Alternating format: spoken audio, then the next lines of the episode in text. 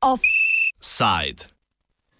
Sveti Štefan, prosi ti, da bi naši konji zdravi bili. Jugoslavija ni več, Jugoslavija ni več. Gre za Slovenijo. Jugoslavija ni več, Jugoslavija ni več. Gre za Slovenijo.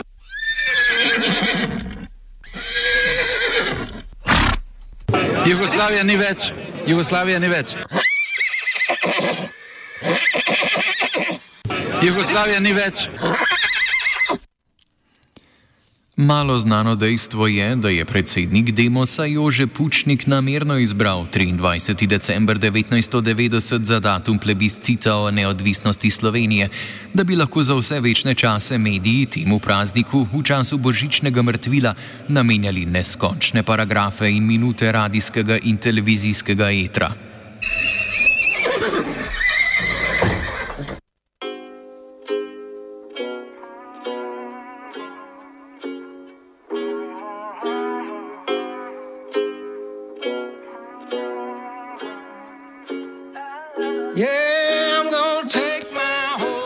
Resnični razlog za datum referenduma je bil drugačen. Če parafraziramo Rosvito Pesek, ob koncu leta so namreč lahko domov prišli slovenski zdomci, gastarbajterji pa so odšli v svoje kraje. Na plebiscitu je glasovalo 93,2 odstotka vseh volivnih upravičencev, od katerih jih je za osamosvojitev izreklo 85 odstotkov ali 88,5 odstotka vseh.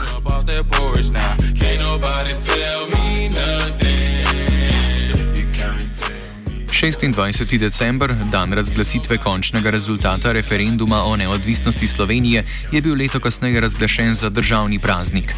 Prost dan ob svetem Štefanu pride še kako prav konjem in njihovim lastnikom, ki jih neprekinjeno že od leta 1858 blagoslavljajo v dolini vasi pri Šentjerneju. Včasih je blagoslov potekal na prvo nedeljo po prazniku, zahvaljujoč političnim igricam Jožeta Pučnika, pa lahko dogodek zadnjih 28 let poteka ob dnevu zaščitnika konjev.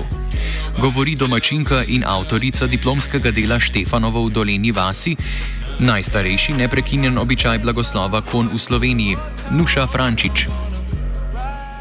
Vemo točno, kdaj je bil prvi obred, oziroma tukaj je prvič v Stari Vasi uh, omenjen obred leta 1711, neprekinjeno pa poteka potem od leta 1858.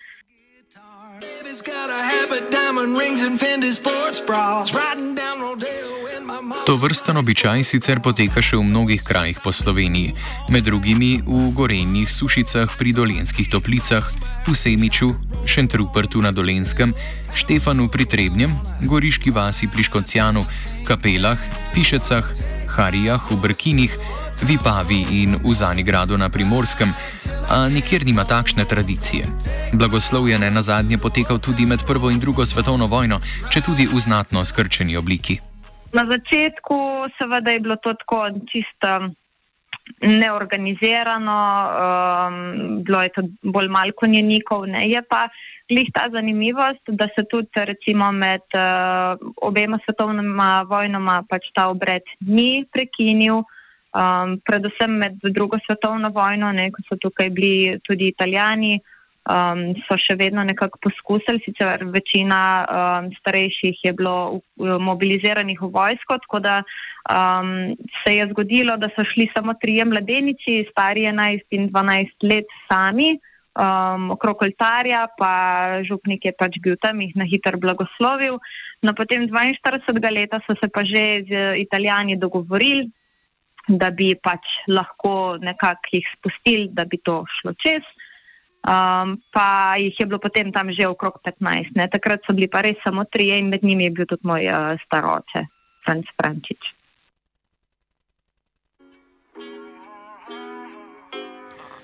V dolini vasi, oziroma v dolini stari vasi, dogodek organizirata lokalno prostovoljsko gasilsko društvo in občina Šentjernej. Konjeniki so se danes zjutraj zbrali na hipodromu. Konjeniška povorka, ki je leto štela 168 kon, pa se je odpravila proti cerkvi, kjer se je ob desetih začel obred. zbirali so se včasih pri uh, recljivi gostilni.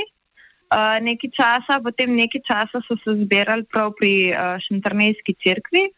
Uh, in ta proces je potem, se pravi, od Šentrneja do Stare vasi pač lepo v koloniji.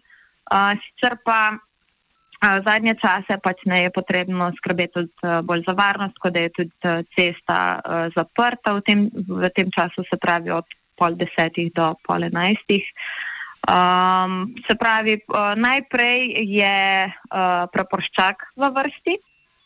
Um, se pravi, praporščak je vedno nekdo, ki pač recimo, da zaradi je nekega um, dobrega dela oziroma pač nekaj koristnega, kar je naredil v tistem letu, ponavadi potem tisti človek izbran za to čast.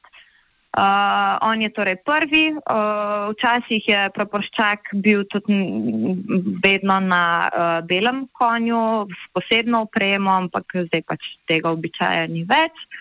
Um, potem za, za njem sledijo uh, godbeniki, uh, se pravi, godba spremlja, godba spremlja to procesijo tudi že kar precej časa.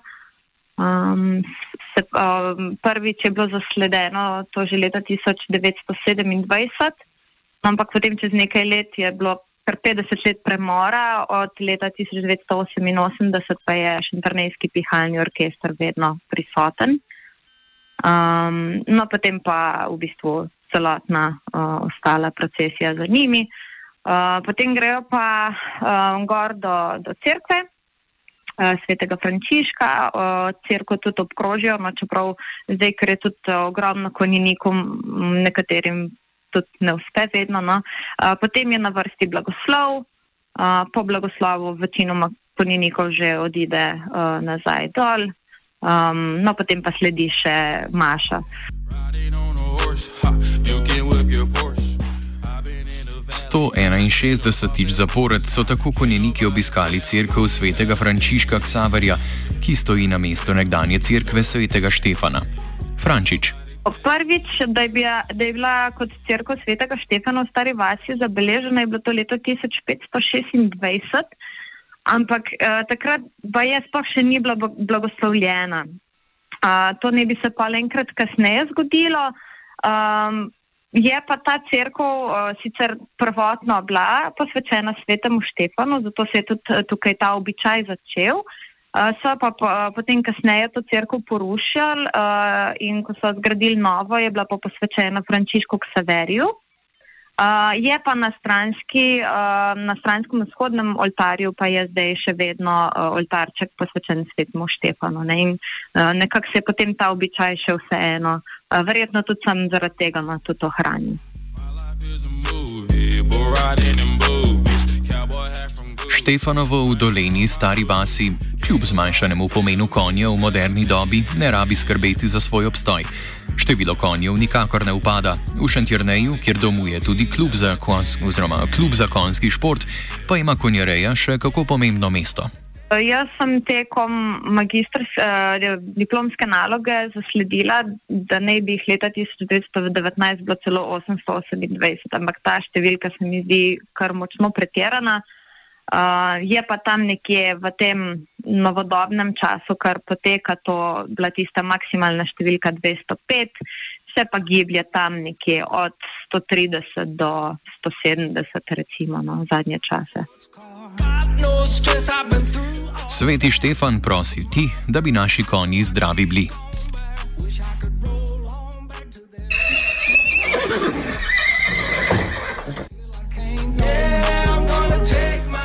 Offside je odjahal Katalinič.